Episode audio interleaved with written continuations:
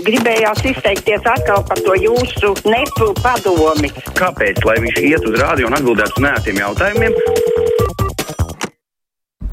6722, 888, 672, 559, ir tālruņa numurs mūsu studijā. Varat mums arī rakstīt, sūtot ziņu no mūsu mājaslapas.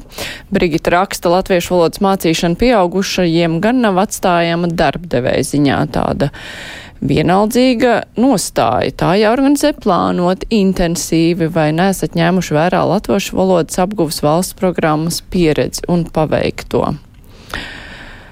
Tā klausītājs Artūrs savukārt raksta klau. Ar pašvaldībām viss skaidrs, bet kāpēc man neatstāja sajūta, ka trīs miljoni, miljonus pūcu lēni kopā ar paristiem vienkārši nozaga? Kādus miljonus Artūrs te domā? Tā Arvis savukārt eh, prasa, varbūt derētu Ukraiņiem iemācīt arī latviešu tautas dēkas un dziesmas. Tās taču tikpat noderīgas viņiem kā latviešu valoda, ja jau tērēt naudu, tad pēc pilnas programmas. Nu, labi, celšu klausulu. Labdien, brīvais mikrofons. Nu, es gribu pa pajautāt. Varat jautāt tikai kam? À, nu, brīvā mikrofona Māra. Jā, jā, jūs esat ētrā. Es, es man baigi svarīgi jautājumi. Uh, kāpēc, atbildi man uz jautājumu, kāpēc deputātiem ir atvieglojumi uh, degvielai, elektrība un dzīvošana Rīgā? Es varu paskaidrot, kāpēc tas ir pieņemts.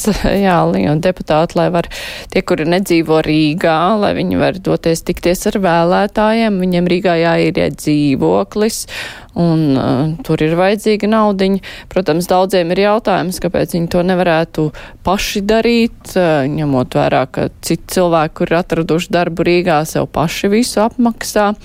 Bet, nu, jā, tā ir iegājies, ka vēlētā amatā, tautas priekšstāvja amatā šādas lietas sēdz valsts. Nu, tā ir iegājies. Vai tā ir pareizi? Strīdīgs jautājums. Klausītājs zvana. Brīvais mikrofons. Labdien! Padomju okupācijas un arī kolonizācijas laikā šeit ieradās no citām republikām daudz cilvēku. Speciāli tika viņi te veicināts tas. Un te tika organizēta, veidota padomju tauta, kas runātu Krievu valodā tāds bija tas princips. A, tagad tikai e, dažādi te e, migranti tiek piesaistīti Latvijai, e, jaukteņu veidošana, dažādu tautību un rasu sajaukšanās šeit, un tikai krievu valodas vietā šeit ir latviešu valoda būs. Mm -hmm. nu, jā, labi. Klausītājs Toms uh, raksta par uh, pavisam citu tematu, par koku ciršanu mežā attiecībā par izmaiņām šais noteikumos. Viņš skaidro, ka ir tikai samazināts atļautais ciršanas caurmērs, kas uzliek par pienākumu pēc tam atjaunot ar augstākas kvalitātes tādu materiālu. Atļautais ciršanas vecums nav samazināms, samazināts joprojām priedi 101, egla 81, bērs 71 cilvēkiem pie valdības ēkas paši norāda, ka nav eksperti, bet tad vismaz, lai iepazīstas ar likuma izmaiņām, par kurām protestē. Jā, nu, tas ir tas jautājums. Mēs jau pagājušajā nedēļā par to diskutējām. Mēs gan diskutējām par to aizbildinājumu, kāpēc te vajadzēja tos noteikumus mainīt, ka tas ļaušot mūs apgādāt pašus ar lētu šķeldu. Bet, nu, kā izrādās, cenu tas diez kā varētu arī neietekmēt. Un tieši tāpat arī šīs šķeldas palikšanu Latvijā. Klausītājs zvana brīvais mikrofons. Labdien! Halo, jūs mani dzirdat? Dzirdam gan! Labdien, attiecībā par deputātiem un viņu mājokļiem. Ir arī tādi deputāti, kuri ļoti ātri tiekot deputātu statusā, savu mājokli Rīgas izīrē un ātri deklarējās savos vecāku īpašumos un braukā uz nebēdu. Jūs varētu pastāstīt, kuri tie ir? Es zinu uzvārdu, bet es neteiktu. Tas ir no Parisiem. Hmm, hmm, no, Nu, jā, ja jūs zināt, varbūt vajag teikt, jo tā nedrīkst darīt. Gal galā mums jau te ir bijušas uh, krimin, krimināla lietas par krāpšanos. Nu, katrā ziņā tur nepatikšanas deputātam bija lielas. Alisa raksta, man arī ļoti negribētos, lai pēc laika arī Ukraiņu uz jautājumu, kāpēc nerunā latviski, atbildētu nav vajadzības.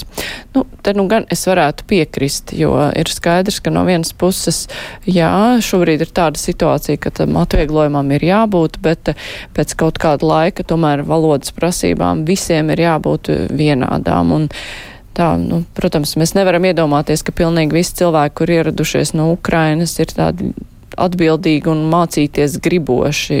Iespējams, ka ir ieradušies vis visādi cilvēki, kuriem ir vienkārši obligātā kārtā jāliek mācīties, citādi viņi to negribēs darīt, jo cilvēki jau ir dažādi, un tāpēc ir svarīgi, kādi kārtība un noteikumi valstī ir. Aleksandrs raksta, nav jau runa par mežu apjomu, runa ir par to, ka tādējādi samazinās bioloģiskā daudzveidība, jo, lai izaugtu mežs līdz tagad atļautajam apjomam, paiet krietni mazāks laiks un dabiskā dzīvotne nespēja atjaunoties. Jā, tas ir tas otrs aspekts, par ko runāt saistībā ar šiem, šīm izmaiņām noteikumos. Ceļu klausuli, labdien, brīvais mikrofons! Labdien! Šeit Aleksandra Rešķelska dzimusi kontere, tas nav mans īstais vārds, un es par bērnu sēdeklīšiem bija Timrot kungs, ja nevaldos, vadīja raidījumu. Nu, ir tā, ka man ir no iepriekšējās laulības divas meitas, un mēs ar tagadējo draugu taksometru vadītāju.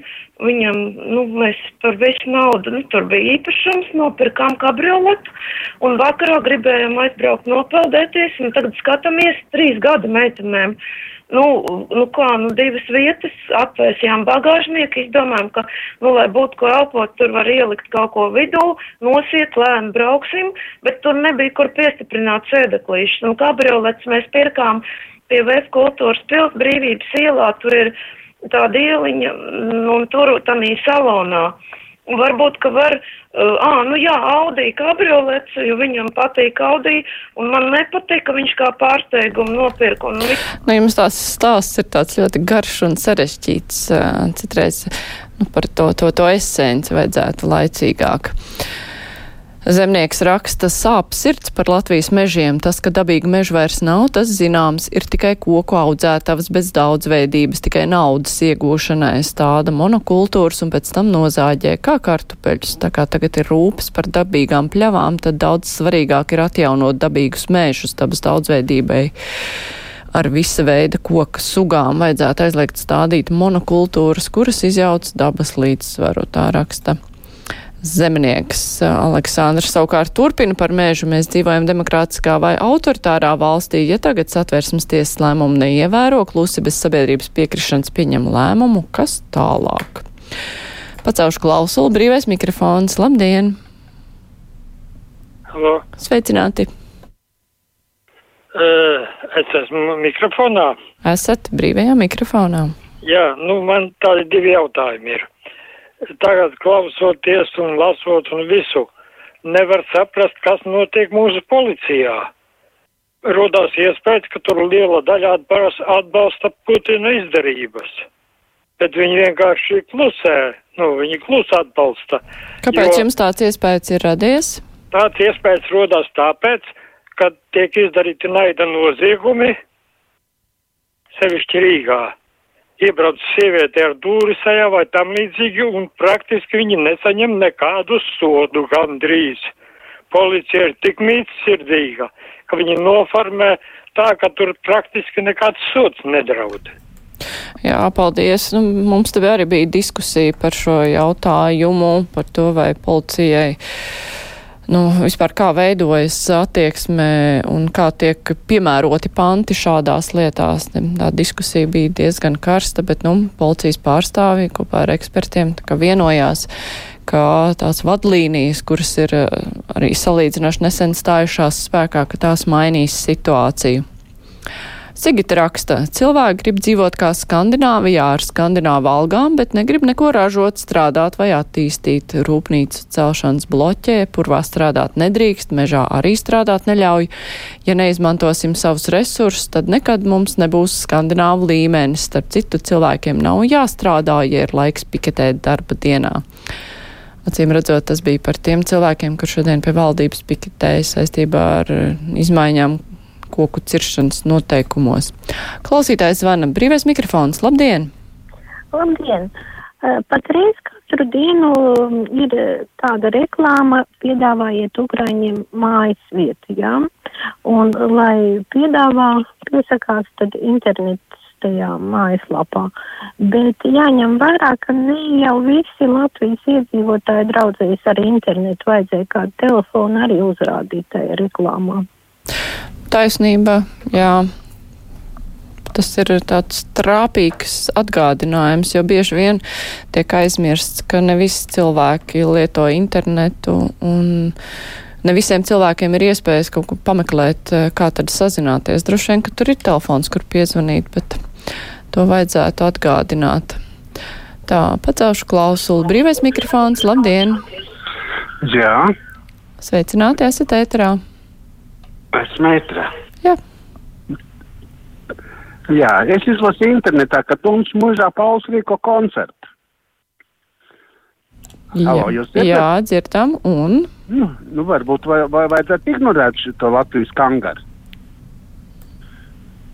Varbūt to Latvijas rādio arī varētu palīdzēt tādā lietā. Kāpēc mums jāiet uz tādu koncertu cil cilvēks, kurš, kurš, kā saka, ir par, par krieviem? Tā jūs domājat. Nu, ja jums eh, negribas iet uz kādu koncertu, jūs droši varat ignorēt. Birut raksta, jau rakstīja, bet doma neatbild pajautājiet, kāpēc nevar izremontēt viesnīcu Atlantiju vecmilgrāvī, kur ir visas iespējas izmitināt vismaz 120-200 cilvēku. Birut to zinot, jo, kad viesnīca uzcēla, strādāja tajā kā pirmā administratore. Nu, mm, tur nebija īsti cilvēki, kuriem to pavaicāt. Tad jau ir Rīgas domas pārstāvi kādi jāaicina. Bet paldies klausītāji, kuri zvanījāt, paldies, kur rakstījāt eh, brīvajā mikrofonā. Man vēl ir laiks izstāstīt par rītdienas raidījumu. Mēs rīt runāsim par elektriskajiem skrējriteņiem, kurus lieto pilsētā ne pirmo gadu, bet nu sūdzības ir daudz gan par traumām, kas gūtas, gan arī par to, ka zaudējumi radītie netiek atlīdzīti atlīdzināti. Runāsim par to, kas būtu jāmaina noteikumos šo ierīču izmantošanā. Raidījums ar to arī izskan. Raidījuma producents ir šonadēļ Filips Lastovskis, bet studijā bija Mārija Ansona. Visu labu, un mēs tiksimies arī rīt.